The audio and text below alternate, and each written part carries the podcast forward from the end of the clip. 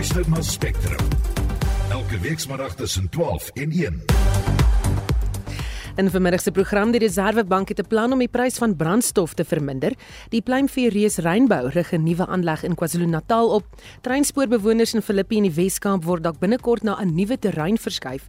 En groot kommer dat die regering insette oor die wysigingswet op basiese onderwys wil stoomroller. Welkom by Spectrum, die span in die ateljee se redakteur Jamie Verhoef, produksieregisseurs Bongie Kosim Tembo en Daitrin Godfrey. My naam is Susan Paxton.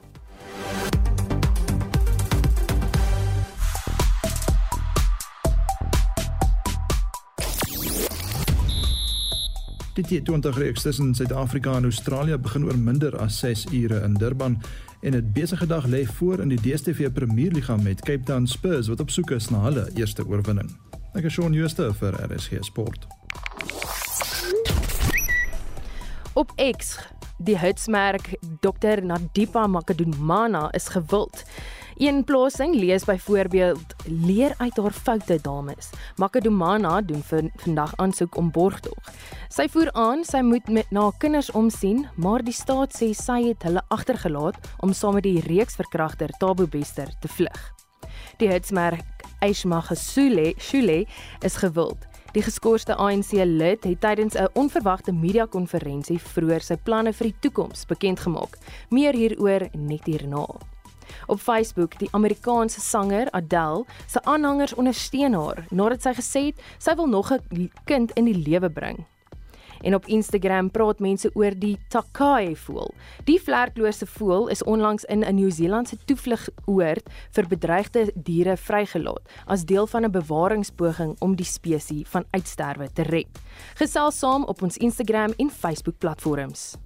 Amanai, miskien moet jy dalk vir ons kyk of jy vir ons so 'n foto van so 'n voël kan kry, laat ons sien hoe dit lyk. Like. Ek het nog nooit so iets gesien nie. Klink baie interessant. Hy's hy's 'n bietjie blou met 'n rooi ehm um, bekkie. Haai, kry vir ons 'n foto dat ons ook kan sien hoe dit lyk. Baie dankie. Ons gesels vandag oor die agentskap vir padverkeersmisdrywe. Hy tydelik die afdwinging van die betaling van verkeersboetes wanneer mense hulle lisensies hernie opgeskort. Die organisasie teen belastingmisbruik, Auta, sê hy het verskeie klagtes van motoriste ontvang wat eers toe hulle lisensies moes hernie, uitgevind het dat hulle uitstaande boetes het waarvan hulle nie bewus was nie. Hulle kon nie hulle voertuig of bestuurderslisensie daarna hernie nie voordat die boetes betaal is nie. Hier's advokaat Stefanie Fik van Auta. Die wetgewing sê spesifiek as jy 'n dwangbevel het, kan hulle weier om dan vir jou jou lisensie te hernie. Maar hulle kan nie weier om jou lisensie te hernie nou terwyl die blok daar op is nie en hulle kan nie jou weier om jou lisensie te hernie as jy uitstaande boetes het nie. Nou die nuus het ons laat wonder hoe jy verkeersboetes hanteer. Betaal jy boetes as jy 'n nuwe voertuiglisensie moet kry en hoe kom jy te wete van so 'n boete? Wat was al van die grootste boetes wat jy betaal het en vir watter oortreding betaal jy jou boetes? Deel 'n goeie boete storie met ons deur 'n SMS te stuur na 45889. Dis R1.50 per boodskap. Spectrum, jou middagnuusprogram op RSG. Sy bykans 8 minute oor 12 die geskorste sekretaris-generaal van die ANC, Ys Magashule, het pas aangekondig dat hy sy eie politieke party gaan stig. Magashule het die aankondiging in Soweto gemaak. Die party sal bekend staan as die African Congress for Transformation. Ons praat nou met 'n dosent in praktyk aan die Universiteit van Johannesburg, professor Theo Venter wat dit dopgehou het. Goeiemôre Theo. Goeiemôre. So wat het hy gesê oor hierdie nuwe party?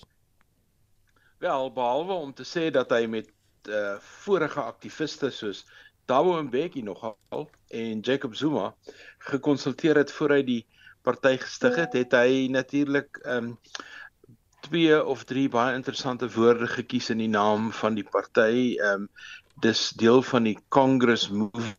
Die ANC is deel daarvan, so hy die woordjie Congress in sy naam ehm um, uh opgeneem soos wat Cope ook maar gedoen het en 'n paar ander. En dan natuurlik transformasie wat hom nou weer nader bring aan uh, Karl Neuhaus uh, se party wat ook die term gebruik. Maar ehm um, dis 7, 8 maande voor die volgende verkiesing met uh, verskriklik baie werk wat voorlê. Ehm um, ek dink hy wil maar net 'n politieke pen in die grond gekap het om te sê ek is hier en ek staan op my eie. Ek wil vir jou vra, sal hy genoeg steun hê om aan die verkiesing deel te neem? Wel, hy gaan beslis steun ehm um, kan mobiliseer in die Vrystaat ehm um, een van die kleiner provinsies in die land en hy gaan beslis steun kry waar die Vrystaat ehm um, uh, se steen oorvloei in Gauteng en soos byvoorbeeld die Val Driehoek en sekere dele daar wat baie sterk ehm um, Suid-Sotho sprekend is. Ehm um, in sy jong dae was hy Smakashule 'n onderwyser gewees in Sharpeville uh tussen van 'n Wildpark en en vereniging. So hy's hy's bekend in daai omgewing, maar ehm um, soos dinge nou lyk, is hy een van 'n klomp uh van die 1% partytjies wat uh wat nie, nie ek dink nie hy gaan ver kom nie. Hmm. Het hy aangedui wie's almal deel van hierdie party?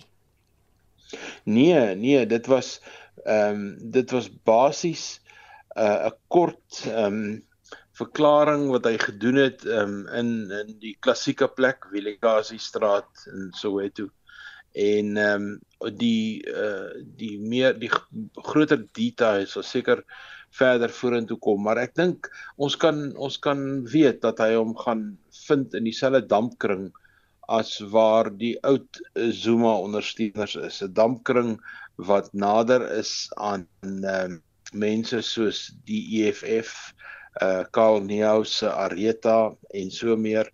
So 'n posisie in die politiek links van die ANC. Hm. Dink jy die ANC sit nou effe meer regop na hierdie nuus? Nee.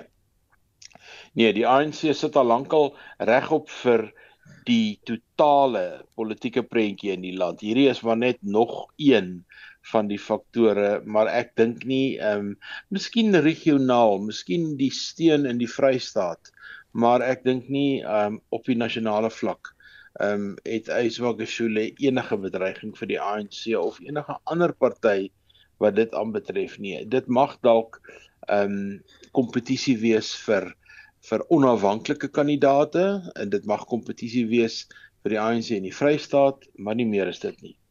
Baie dankie. Dit was 'n dosent in praktyk aan Universiteit van Johannesburg, professor Theo Venter wat gepraat het oor aan eh, die oudgesof die geskorste sekretaris-generaal van die ANC, Ysmagashule wat pas aangekondig het dat hy sy eie party begin. Die ad hoc komitee oor basiese onderwys het van deentjie verander oor die insluit van geskrewe openbare kommentaar oor die wysigingswetsontwerp op basiese onderwys. Die komitee sê nou na 2 weke, hy sal tog die duisende geskrewe voorleggings in ag neem. Maar in hy forse berig politieke partye en die relevante rolspelers maak al lank 'n geraas oor die uitsluiting van die voorleggings. Die deelparlementslid Bakolile Nodada het juis gewaarsku dat die besluit om voort te gaan sonder om lede van die publiek se insette te oorweeg tot onnodige hofsaake kan lei. If you read the land access movement case, it says that when it comes to public participation it makes it quite clear that there must be meaningful engagement with the inputs received. Now, we're sitting in a situation whereby chair that this process that we're following now is completely open to being challenged. Because we've got about 9,500 odd submissions that were never analyzed. Was never brought to our attention as the committee because if you read the land access judgment, the Lamosa judgment, it talks about those public participation inputs, whether written, oral, must influence our deliberation. Twee weke terug, toe die proses om die wysigingswet klousule vir klousule te bespreek begin is, het die komitee gevra vir 'n regsmening oor die proses. Die senior raadgewer, Pumela Ngema, het lede verseker dat die nodige regsprosesse in ag geneem is. We are saying as of the processes as they are unfolding, there is compliance with section 59. The committee has given effect, the committee has received the submissions various types of submissions, which were oral submissions, written submissions, oral submissions in the provinces and also here in parliament and any other way. Die ANC parlementslid Nombuyiselo Adoons het uiteindelik gesê alle voorleggings moet ingesluit word. I'm also in agreement with the oral submissions uh, that were not counted. Uh, there's a need to count them and also include them in the national registry. Die voorsitter van die komitee, Bongiwe Mbiko Gigaba, sê hoewel daar nie 'n akkurate getal is vir hoeveel voorleggings ingehandig is nie, is dit eenvoudig regverdig dat alle voorleggings getel word.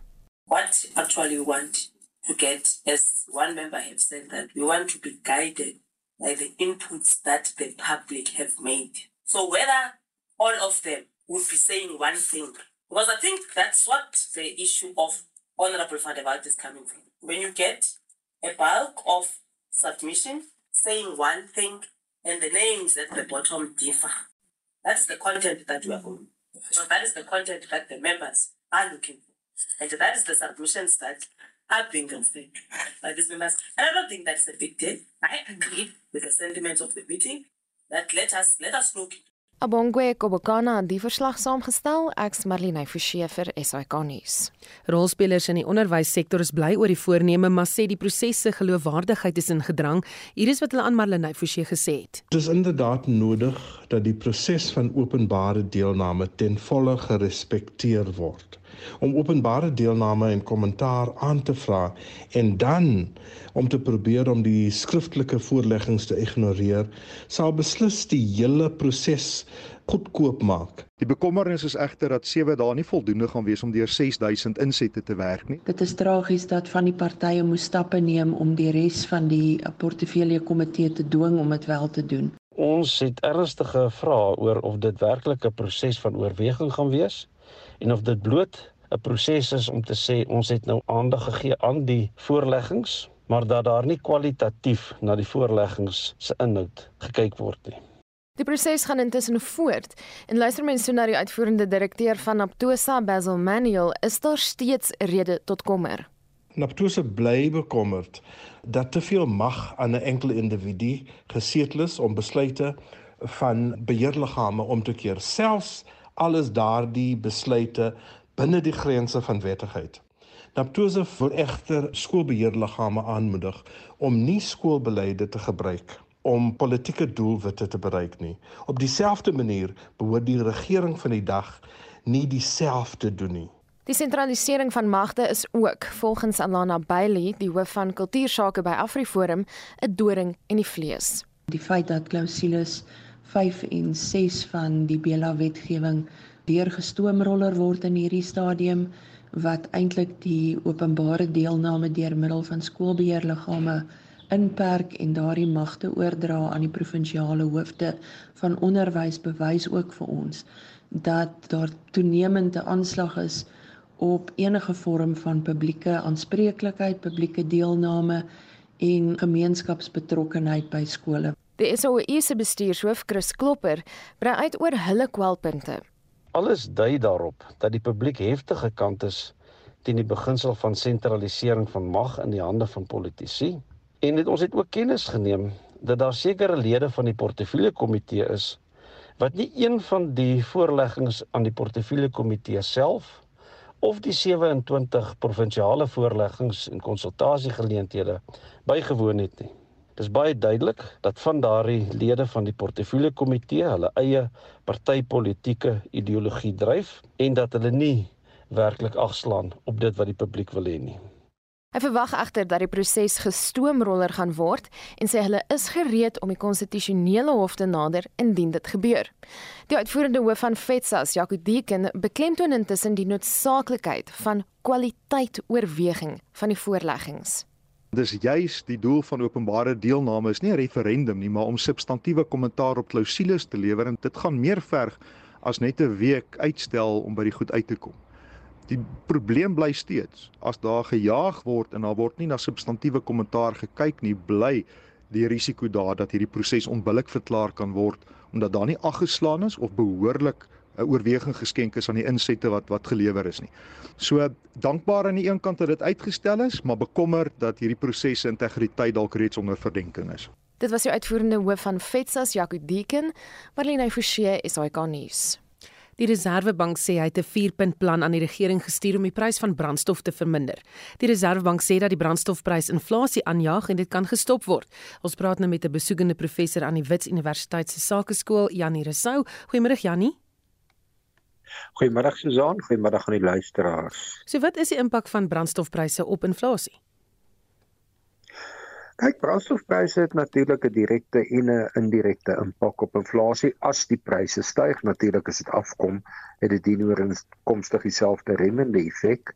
Die direkte gewig van brandstofpryse in die inflasiekoers vir verbruikers is so wat 4.8%, maar daar's natuurlik uh noem dit knock-on effects. Met ander woorde uh vervoerkoste wat opgaan as brandstof duurder word, maar natuurlik ook weer goedkoper word as brandstof goedkoper word. Sê vir my en wat is hierdie 4-punt plan? Wat stel die Reserwebank voor? In hierdie plan van die Reservebank uh, word na verskeie aspekte van die brandstofpryse samestelling gekyk, onder andere na die padongelukke fonds se komponent, natuurlik ook na die ehm um, uh uh wat noem mense die inkomste wat die staat daai kry, daardie brandstoftoelaag en dan baie spesifiek na die winsmarge van volstasie eienaars.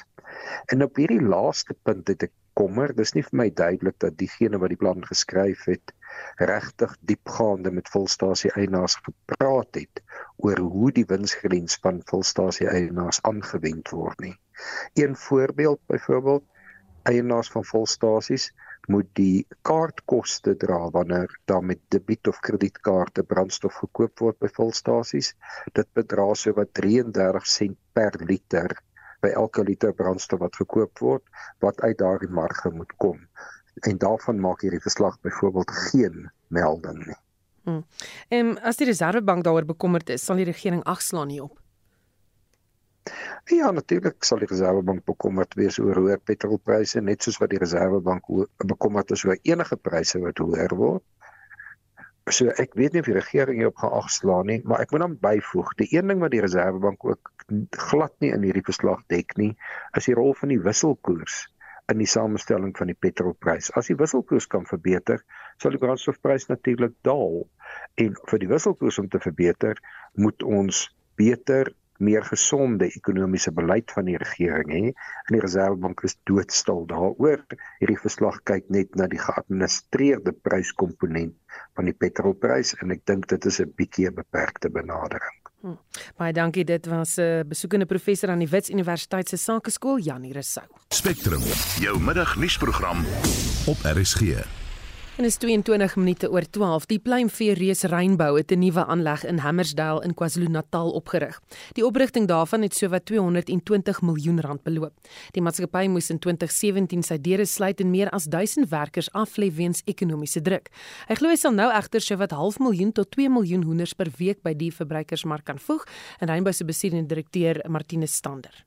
We provide 18 and a half million meals per year. So the footprint of this industry in terms of what it can do, job creation, food security, rural development, and improving the livelihood of so many South Africans is very significant. Today is also about the uh, Poultry Master Plan. It's a visionary blueprint. It is about creating capacity, stimulating demand for chicken. It is about driving exports. It's about uh, transformation and bringing in farmers and players into this industry previously excluded. So sê Rainbow se bestuurende direkteur Martine Stander. Ons praat nou verder hieroor met die hoofbestuurder van die Pluimvee Vereniging van Suid-Afrika, Isak Breitenberg. Goeiemôre Isak. Goeiemôre Susan. Het die storting van goedkoop hoender en hoenderprodukte so 'n negatiewe impak op die pluimvee sektor gehad dat maatskappye moes sluit? Absoluut. Ehm um, as 'n mens kyk na hierdie uh die tyd waarin hierdie uitbreiding gebeur het, is dit eintlik 'n baie moeilike tyd. En dit is ook relevant vir ons dat um, 60 jaar terug het ons bedryf daar in Hammersdale begin en dit is juist die maatskappy wat um, ook blootgestel was aan die aan die, die probleme um, maar hulle kon nou 'n um, groot belegging maak en en en dit is positief vir die industrie. Watter lande stort hier? Daar's baie lande, daar's 9 lande wat hier stort.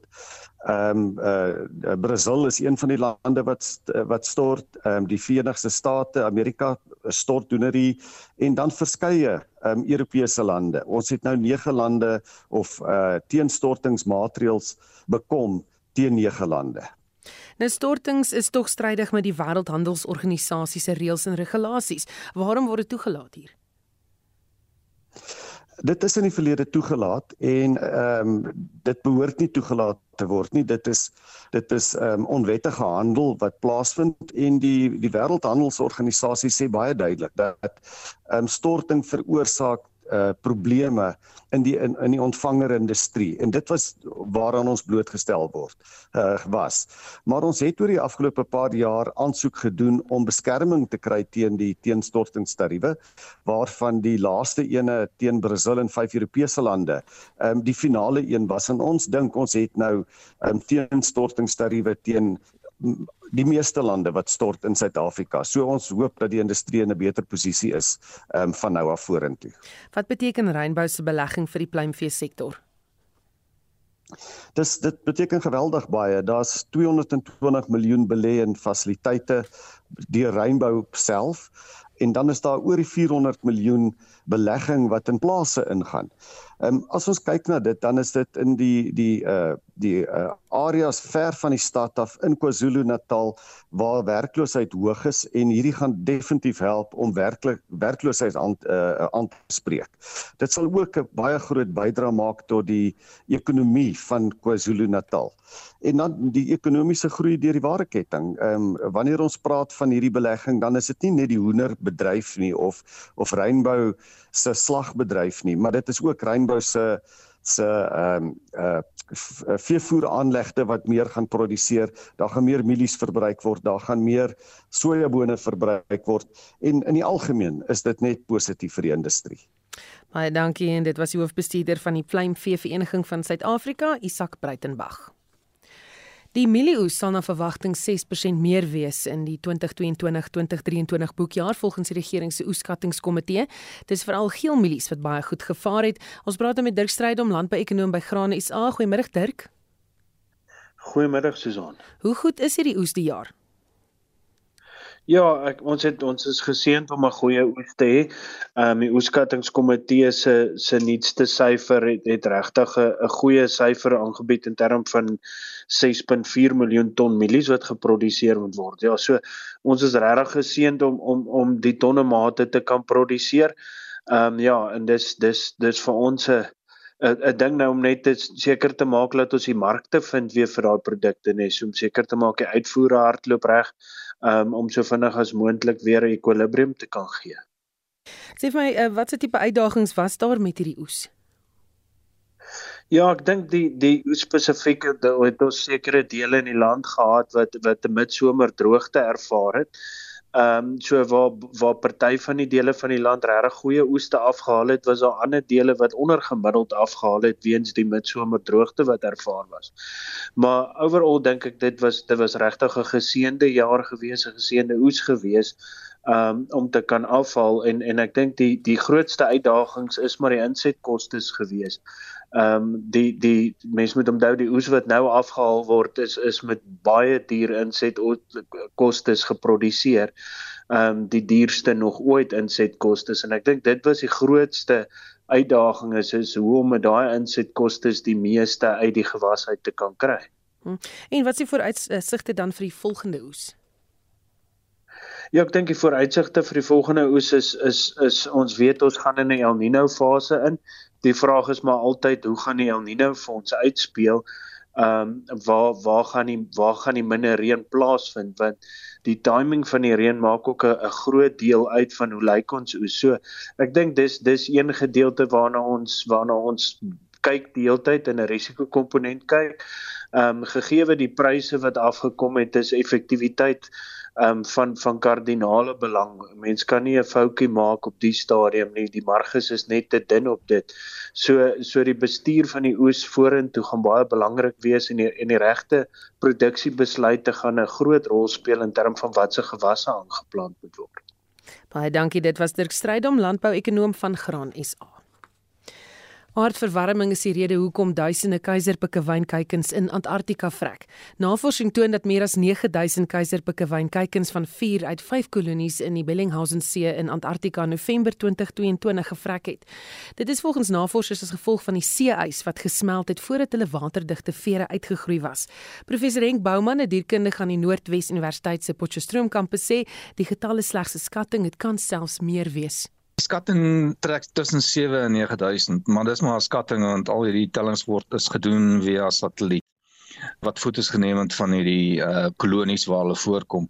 En dit is nogal skokkend as jy kyk na die vyf kolonies wat hulle na gekyk het in die Bellinghouse See wat aan die ander kant van Antarktika is as ons kant.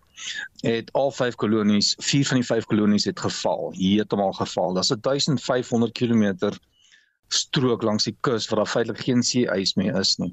Nou in die winter vorm see-ys en hierdie pikkewyne het hierdie see-ys nodig om te broei want dit is die enigste pikkewyn spesies wat in die winter broei. Maar die ys smelt vinniger as wat die die kuikens kan groot word en verdwyn soos in jy kan amper sê letterlik onder hulle voete uit. En dan as die kuikens nie kan wegkom na ander plekke toe nie wat wel moontlik is, dan daar geen uitkom kans vir hulle nie want hulle vere is nog nie waterdig nie. Daar was 'n soortgelyke geval gewees in 2015 wat ook groot impakte gehad het op uh, die uh, kuikengetalle. Dit is 'n verstommende voël hierdie hoor, Apterodaites fosteri. Dis die swaarste pikkewyn, vyfde swaarste voël op aarde. Dit staan meer as 'n meter hoog as jy langs dit staan. Dit weeg tot 45 kg en kan tot 50 jaar oud word.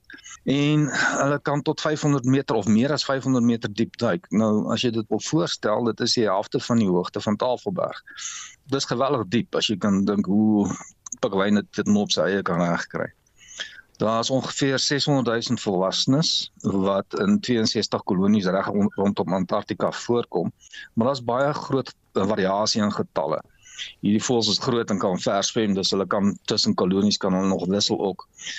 Nou baie van die kolonies is stabiel, met ander woorde jaar tot jaar as daar, ander is weer tydelik net vir 'n paar jaar dan verdwyn hulle weer. Maar die globale verwarming het geweldig impak op hulle nou. Voorheen was daar geen werklike impak op die keiserpikkewyn nie. Hulle broei in 'n tyd waar daar niemand in Antarktika is nie, want dit is in die winter. Hulle kos word nie gevang deur veevissery of so iets nie. Daar's nie versteurings as sulks nie omdat dit juis in die middel van die winter is. Maar hier kry ons nou die eerste aanduiding van klimaatsverwarming, van aardverwarming wat hulle begin impakteer. Dis die eerste keer wat ons dan sien dat hierdie getalle van hulle besig is om af te neem en dit is gepubliseer deur Fredwell Botty en Radcliffe nou pas en hulle het gekyk na die satellietfoto's van hierdie seeys wat soos in feitelik letterlik as jy kyk na die foto's op die publikasie verdwyn dit in 'n periode waar daar nog seeys moet wees. En ja die groot ding is stabiele seeys is nou 'n probleem aan daai kant van Antarktika. So dit is definitief klimaatsverandering of aardverwarming wat hierdie veroorsaak oor die periode wat hulle gemonitor is met satelliete wat ons vergelykende beelde het of beeldmateriaal het wil dit so voorkom. Daar is nie eens ander verklaringe wat ons tans het nie want soos ek gesê het daar's nie regtig enige ander impakte wat op hulle invloed het nie. As gevolg van hierdie vermindering in getalle verlaging in getalle is hulle bewaringsstatus dan ook van stabiel afgegradeer na bedreig toe En dit was professor Henk Bouman, 'n dierkundige van die Noordwes Universiteit se Potchefstroom kampus. Ons het vir jou gevra of jy enige interessante boete stories het, 'n boete Bessie jou dalk afgetrek het. En uh jy weet sê ek het 'n uitstaande boete van R400 in Ekurhuleni. Dis 'n gekloonde nommerplaat en my Nissan MP200 se nommerplaat is op 'n Mahindra voertuig en dit was op 'n in 'n gebied en 'n datum waar ek nie was nie en dit blyk ek moet nou Tembisa toe gaan om te bewys dis nie ek nie. Dan Hester wat sê ek het 'n bestuurlisensie wat nie hernie kan word nie. Ek het 'n motor gekoop wat op my naam geregistreer was. Die persoon het in 2019 toe nou 'n kaartjie kaartjie gekry en nooit betaal nie. Die kar is in 2020 oorgedra na haar naam. Nou wers om die kaartjie te betaal en ek kan nie my bestuurders uh, lisensie of kaartjie kry nie. Dis wat Hester vertel. Is presies seker dit gebeur nie. En dan sê nog 'n luisteraar ek is bekommerd oor verkeersboetes. Die poskantoor waarby my posbus was is toegemaak, maar vir die laaste 3 jaar het ons in elk geval geen pos daar gekry nie. Geen idee wat van al my pos geword het nie en ek het al 'n paar keer by die hoofposkantoor gaan vra, maar nooit 'n antwoord gekry nie. Maar ek het darm my lisensie sonder drama kon hernie. Jy kan steeds vir ons stories stuur na 4 45889 onthou SMS se kos R1.50. En Shaun Justus sluit nou aan vir eh, sportnuusie by ons. Goeiemôre Shaun. Middag Susan. Nou ek is seker al ons sportliefhebbers sien uit na die krieket teen Australië wat vanaand begin. Gee weer vir ons die besonderhede. Die eerste van 3 T20 wedstryde op Kingsmead in Durban begin vanaand 6uur en Suid-Afrika moet sonder 'n paar groot name soos Quinton de Kock, Agiso Rabada, Andrieg Nortje en David Miller klaarkom. Hayden Makram, Riza Hendriks en Temba Bavuma is van die ander groot spelers wat die span behoort te haal en ons verwag ook dat Dewald Brewe se naam op die spanlys sal wees. Nou die Aussies het 3 nuwelinge ingesluit. Australië het tot dusver 14 T20 wedstryde teen die Proteas gewen en slegs 8 verloor en na die reeks pak die twee spanne mekaar ook in 'n eendagreeks van 5 wedstryde En dan sewe speel Engeland ook teen Nieu-Seeland en dis in die eerste van 4 T20 wedstryde in hulle reeks. Die Suid-Afrikaner Lloyd Harris se oorwinning by die Amerikaanse Tennisope beteken die topgekeerde Carlos Alcaraz wag op hom in die tweede ronde. Watter topspelers is vandag in aksie? In die mansafdeling se tweede ronde stap Novak Djokovic van Servië teen Bernardi Zapata Miralles van Spanje op die baan uit en in die vroue afdeling behoort die wêreldnommer 1 Iga Swiatek van Pole gemaklik met die nommer 322 van Australië Daria Seville af te reken en dan in die mans dubbelspel se eerste ronde stap die Suid-Afrikaner Lloyd Harris en sy Serviese spanmaat Maimir Kecmanovic teen Max Purcell en Jordan Thompson van Australië. Dis ook nou vanaand op die baan uit. Nou niks minder as 6 wedstryde lê voor in die DStv Premier Liga nie. Ja, 5 uur is dit Polokwane City teen Mamelodi Sundowns en dan half 8 is daar 5 wedstryde wat gespeel word. AmaZulu kom teen TS Galaxy, Chippa United teen Royal AM, Richards Bay teen Sekhukhune en Marokko Swallows teen Cape Town Spurs te staan. Nou Spurs kon nog nie oorwinning behaal nie en dan is daar ook 'n groot kragmeting tussen Stellenbosch en Kaizer Chiefs. Baie dankie dit Shaun Jose met die jongste sportnuus. Jy luister na Spectrum. Elke week saterdag tussen 12 en 1. 22 minute voor 1 die regering sê hy hoop om binne die volgende 3 weke die gemeenskap wat die Prasa spoorlyn in Philippi in die Weskaap beset by die Stokroudstasie te hervestig. Die Kaapstad Metro en die Departement van Menslike Nedersetting sê dit sal 'n tydelike oplossing wees totdat die geskil oor grond en waar die gemeenskap uiteindelik self op die langtermyn kan vestig opgelos word. 'n Groot gedeelte van die noordelike spoorlyn is steeds nie operasioneel nie sedert dit tydens die COVID-pandemie beset is en plakkershutte daarop gerig is. Prasa se uitvoerende hoof is Hisam Emaran. Starting this week, we are looking at the engineering weeks, the engineering work starting next week, and we are targeting a three to four week program in terms of completing all the works and ready for the relocation of those plus minus 900, just under 900 settlements that we will need to move to Stockroad.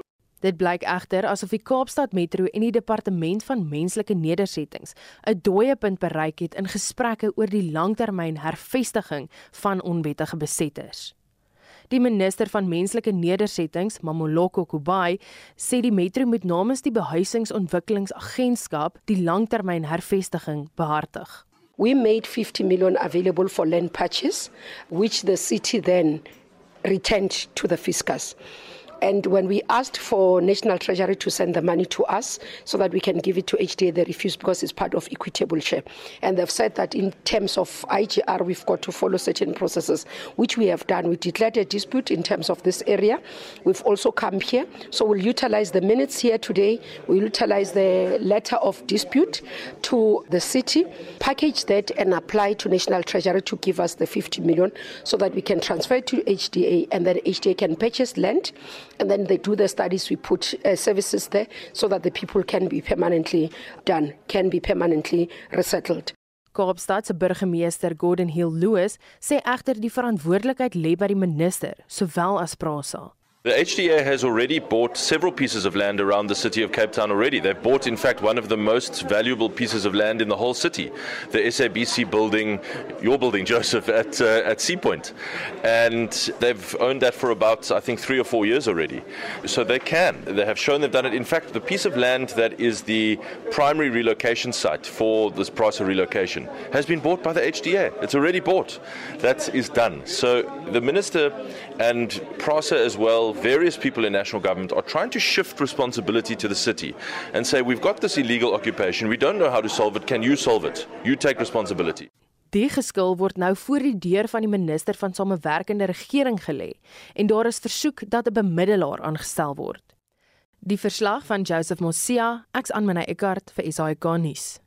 Eskom en die regering sal behoorlik moet ondersoek instel na of dit finansiëel die moeite werd is om die Tutuka kragstasie te herstel sodat dit nie verder besoedeling veroorsaak nie. Die minister van elektrisiteit, Godsiento Ramagopa, het vroeër gesê dat die beleerde kragstasie binnekort weer ten volle operasioneel sal wees, maar dat die kwessie van lugbesoedeling wat die stasie veroorsaak aandag moet kry.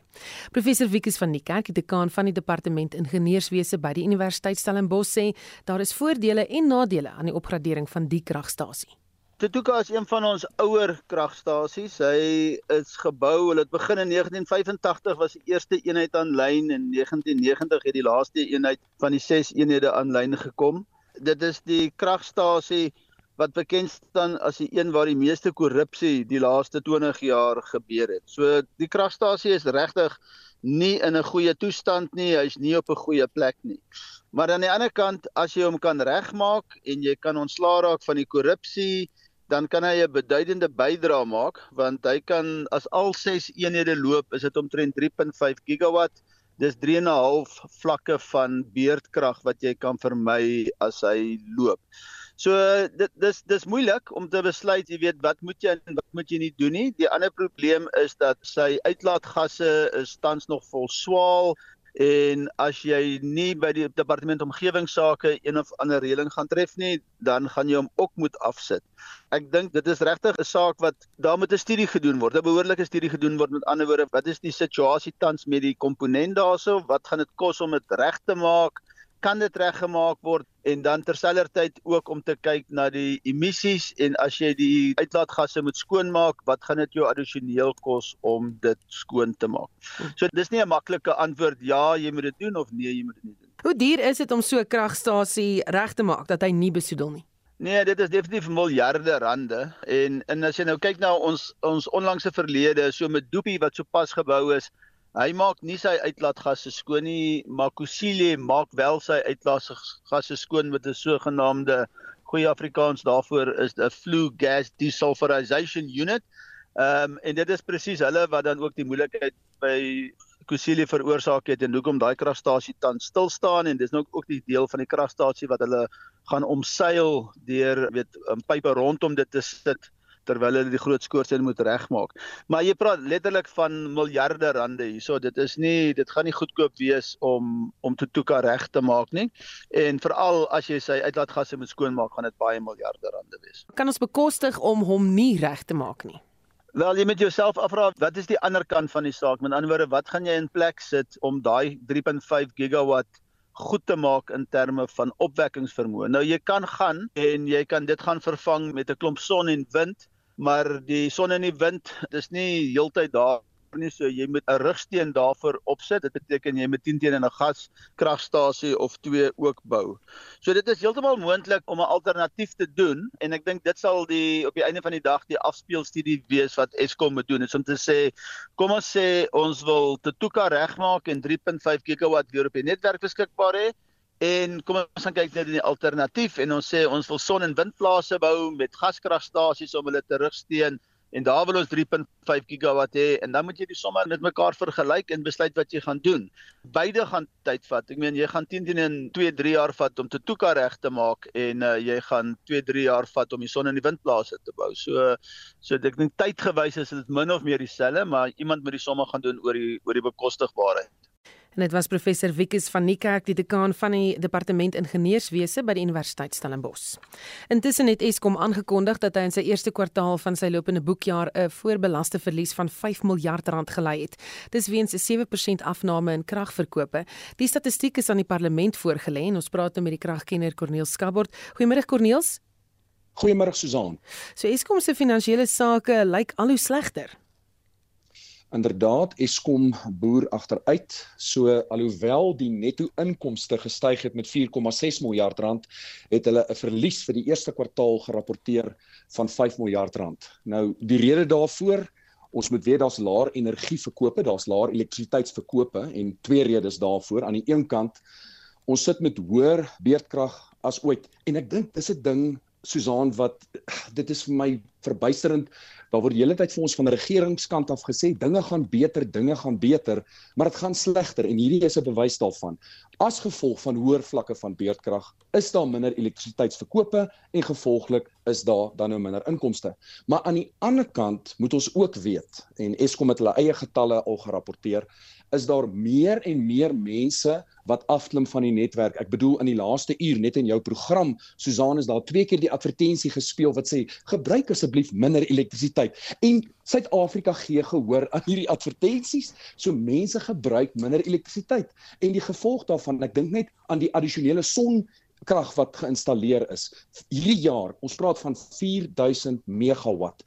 Dit beteken 4 miljoen eenhede minder wat dan nou in piektyd as die son op sy hoogste skyn wat nie meer 'n inkomste vir vir vir Eskom realiseer nie en ek bedoel as jy daai somme gaan maak 4 miljoen eenhede jy werk gemiddeld teen 3 ure 'n dag daai's 12 miljoen rand uh, wat jy per dag dan nou nie meer kry nie 360 miljoen rand 'n maand dis groot getalle nou Die punt is net hierdie is die realiteit. Minder en minder elektrisiteitsverkope, minder inkomste uit elektrisiteitsverkope en dan aan die ander kant groeiende skuld. Ek bedoel die skuld 450 miljard rand waar Eskom is, munisipaliteite wat ongelooflik is oor die 60 miljard rand wat hulle aan Eskom verskuldig is en ek kan nie sien dat op die nippertjie ons is op die vooraand van 'n verkiesing in 2024 dat die regering veel gaan doen om druk op munisipaliteite te plaas om daai skuld terug te betaal nie. Ek wil nou vra, dink jy dat Eskom en die regering erns het om die skip om te draai of hoekom lyk sake al meer beroerd? Ons sit in 'n verkiesingsjaar wat vir ons voorlê en ons gaan hierdie politieke woorde gaan ons kry. Ek bedoel weer eens, uh nee, ek ek kan nie sien dat die regering gaan druk plaas op munisipaliteite nie, want dit is hulle kiesers. Aan die ander kant, hoor ook hierdie Susan, ons minister van elektrisiteit het in die publiek gesê ons energiebeskikbaarheidsfaktor is beter as 60%. Dit is glad nie die waarheid nie. Ek sê dit eerlik en ek baseer dit op Eskom se eie data wat aanlyn beskikbaar is. Tans is die gemiddelde energiebeskikbaarheidsfaktor vir die maand van Augustus 56,9%. Vergelyk dit met 'n jaar gelede was ons by 61,3%. Met ander woorde, dinge gaan agteruit. En dan moet ons ook onthou die regering self het 'n doelwit gestel van 65%. So die realiteit is, hierdie beloftes wat gemaak word, klink baie mooi, maar ek kry die gevoel dat daar word gesê die hele tyd dinge gaan beter, dinge gaan beter, dinge gaan beter, maar as ek kyk na die harde feite, dan sê ek soos maar dinge dinge gaan nie beter nie want die syfers praat tog harder as mense se woorde wat net gesê word by media konferensies. So ek ek kan nie daai erns sien nie, daar's dinge wat in plek val. Ek dink net hoe gouer Eskom totaal en al in 3 entiteite kan verdeel, naamlik distribusie, transmissie en opwekking, hoe beter gaan dit wees vir ons want dan beteken dit privaat rolspelers kan aan die opwekkingskant 'n groter rol speel. En ek hmm. dink dit is daai wetgewing wat hulle wil deurdruk, maar ja, ek ek ek in 'n kort sê ek dit Susan. Baie dankie, dit was die energiekenner Corneel Skambort. Oud-president Jacob Zuma is vandag in die siviele hof om 'n Hooggeregshof uitspraak wat die privaat vervolging van president Cyril Ramaphosa tersyde gestel het te appeleer. Die saak teen Ramaphosa spruit uit Zuma se private vervolging van advokaat Billy Downer, die staatsaanklaer in sy korrupsiesaak. Zuma beweer Downer was betrokke by die uitlekking van sy mediese dokumente en dat Ramaphosa nie teen Downer opgetree het toe Zuma daaroor melding gemaak het nie. Die Hooggeregshof in Johannesburg het in Julie Zuma se vervolging van Ramaphosa tersyde gestel, maar Zuma appeleer vandag teen die uitspraak. Ons verslaggewer Sye van der Walt Potgieter hou die saak dop. Goeiemiddag Sye. Goeiemiddag Susan. Ons weet die saak in die Hooggeregshof is gister uitgestel tot later vanjaar en in 'n neete dop. Wat het nou gister gebeur?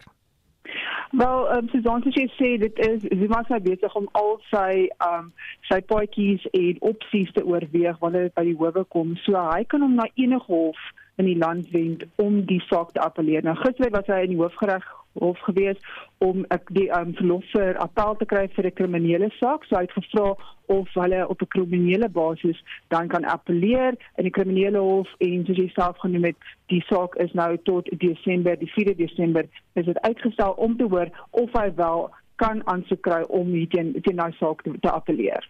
Wat gebeur nou vandag in die siviele hof?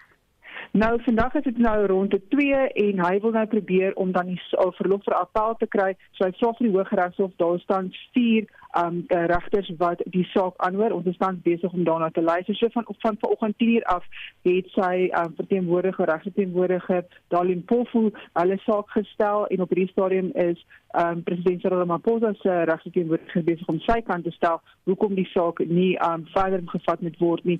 Maar al die die regters van die Hooggeregshof hoor dan nou aan die kwessies en die vertoë hoekom hy moet um verlof tot appel kry om die saak na 'n siviele hof toe te vat. Um so dit is tans is daardie saak dan aan die gang. Hm. Is Zuma se redes wat hy aanvoer hoekom hy die saak appeleer?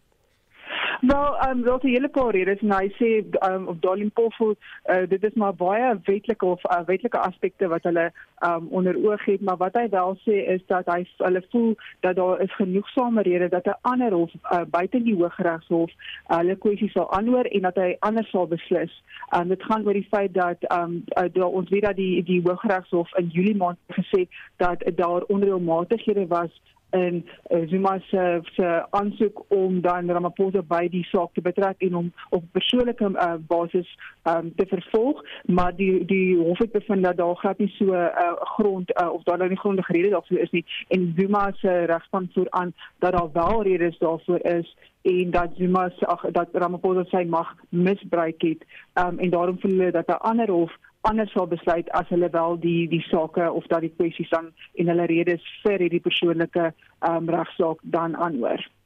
Baie dankie dit was ons verslaggewer sê van der Walt Potgieter wat die verrigtinge volg. Die nuus van hier is die voormalige sekretaris-generaal van die ANC, Ysmagashule se besluit om 'n nuwe politieke party, die African Congress for Transformation te stig en Marlene Forsie hou die storie dop. Ja, die media kort tevore aangespreek of toegespreek eerder nou Dr Piet Kroukamp aan die Noordwes Universiteit se Sakeskool is verbaas dat hy nie 'n ooreenkoms met die EFF bereik het nie omdat hulle soveel ooreenkomste in 'n werkwyse het. Hy sê verder daar's twee goed in Magashule se pad. Dit kos baie geld om 'n politieke voetspoor te vestig as jy buite die ANC is en jy nie toegang het tot die staatskas of tot die ANC se fondse of jy het nie toegang tot die patronaatskapsnetwerke wat die ANC jou bied nie. Die ander ding is dat hy sal agterkom is dat hy waarskynlik nie die goeie trou van die media het en sosiale media het nie. So om jouself 'n uh, identiteit te vestig en aan jouself 'n profiel te gee wat uiteindelik daartoe lei dat mense hulle politieke trou in jou wil investeer is baie baie afhanklik van die toegang wat die media jou gee. Professor Amanda Gous aan die Universiteit Stellenbosch sê meer oor die impak van nog 'n politieke party. Ons sien 'n proliferasie van klein partytjies wat uh, die stem verdeel, maar ek dink Magashule het sy patronaatnetwerk in die Vrystaat, so hy sal heel moontlik op provinsiale vlak wel in die Vrystaat goed doen. Maar dit help nie die breër politieke prentjie in terme van koalisies wat heel moontlik gevorm sal moet word. En sy is nie die enigste een wat hieroor praat nie, professor Andrei Dievenage, politieke ontleder aan die Noordwes Universiteit. Sy klein politieke partye soos die moenie onderskat word nie. En in hierdie sin kan die Magashule groep wel 'n faktor wees. Ek glo egter die grootste impak kan wees op die ANC in die Vrystaat en dit kan 'n baie interessante dinamiek hê ten opsigte van die Vrystaat provinsiale politiek en die moontlikhede rakende koalisiepolitiek. Groot storie in die stadium van die nuusdag en ons hou dit dop in ons ander programme was professor Andrei Dievenage politieke ontleder van die Noordwes Universiteit. En daardie samevatting deur Marlenae Forsie. Nog so 'n SMS wat ek eh, wil lees oor die boetes. Ons het 'n boete vir spoed gekry vir 'n mieliestroper wat 98 km/h op 'n pad in Benoni gery het. Ek het 'n klag ingestuur met alle bewyse dat dit nie die stroper kan wees nie. Het later toe net 'n waarskuwing ontvang. Dis 'n SMS van Sonja. Wat dit sê en dan naby Edenburg vroeg aand afgetrek deur twee vroulike beamptes albei in pink pyjama pakkies. Geen kaartjie nie. Hulle wou net vir ons sê ons sleep waar liggie brand nie. sien jy? Baie goeie ding gewees dat hulle afgetrek het. Ons groet uh, vorige uitsendings van al ons nuus en aktualiteitsprogramme is beskikbaar as 'n potgooi op rsg.co.za. Ons groet namens die uitvoerende regisseur Nicoline de Weer, die redakteur Jamie Verhoef. Ons produksieregisseurs is Bongie Kosim Tembo en Daitrin Godfrey. My naam is Susan Paxton. Geniet jou middag.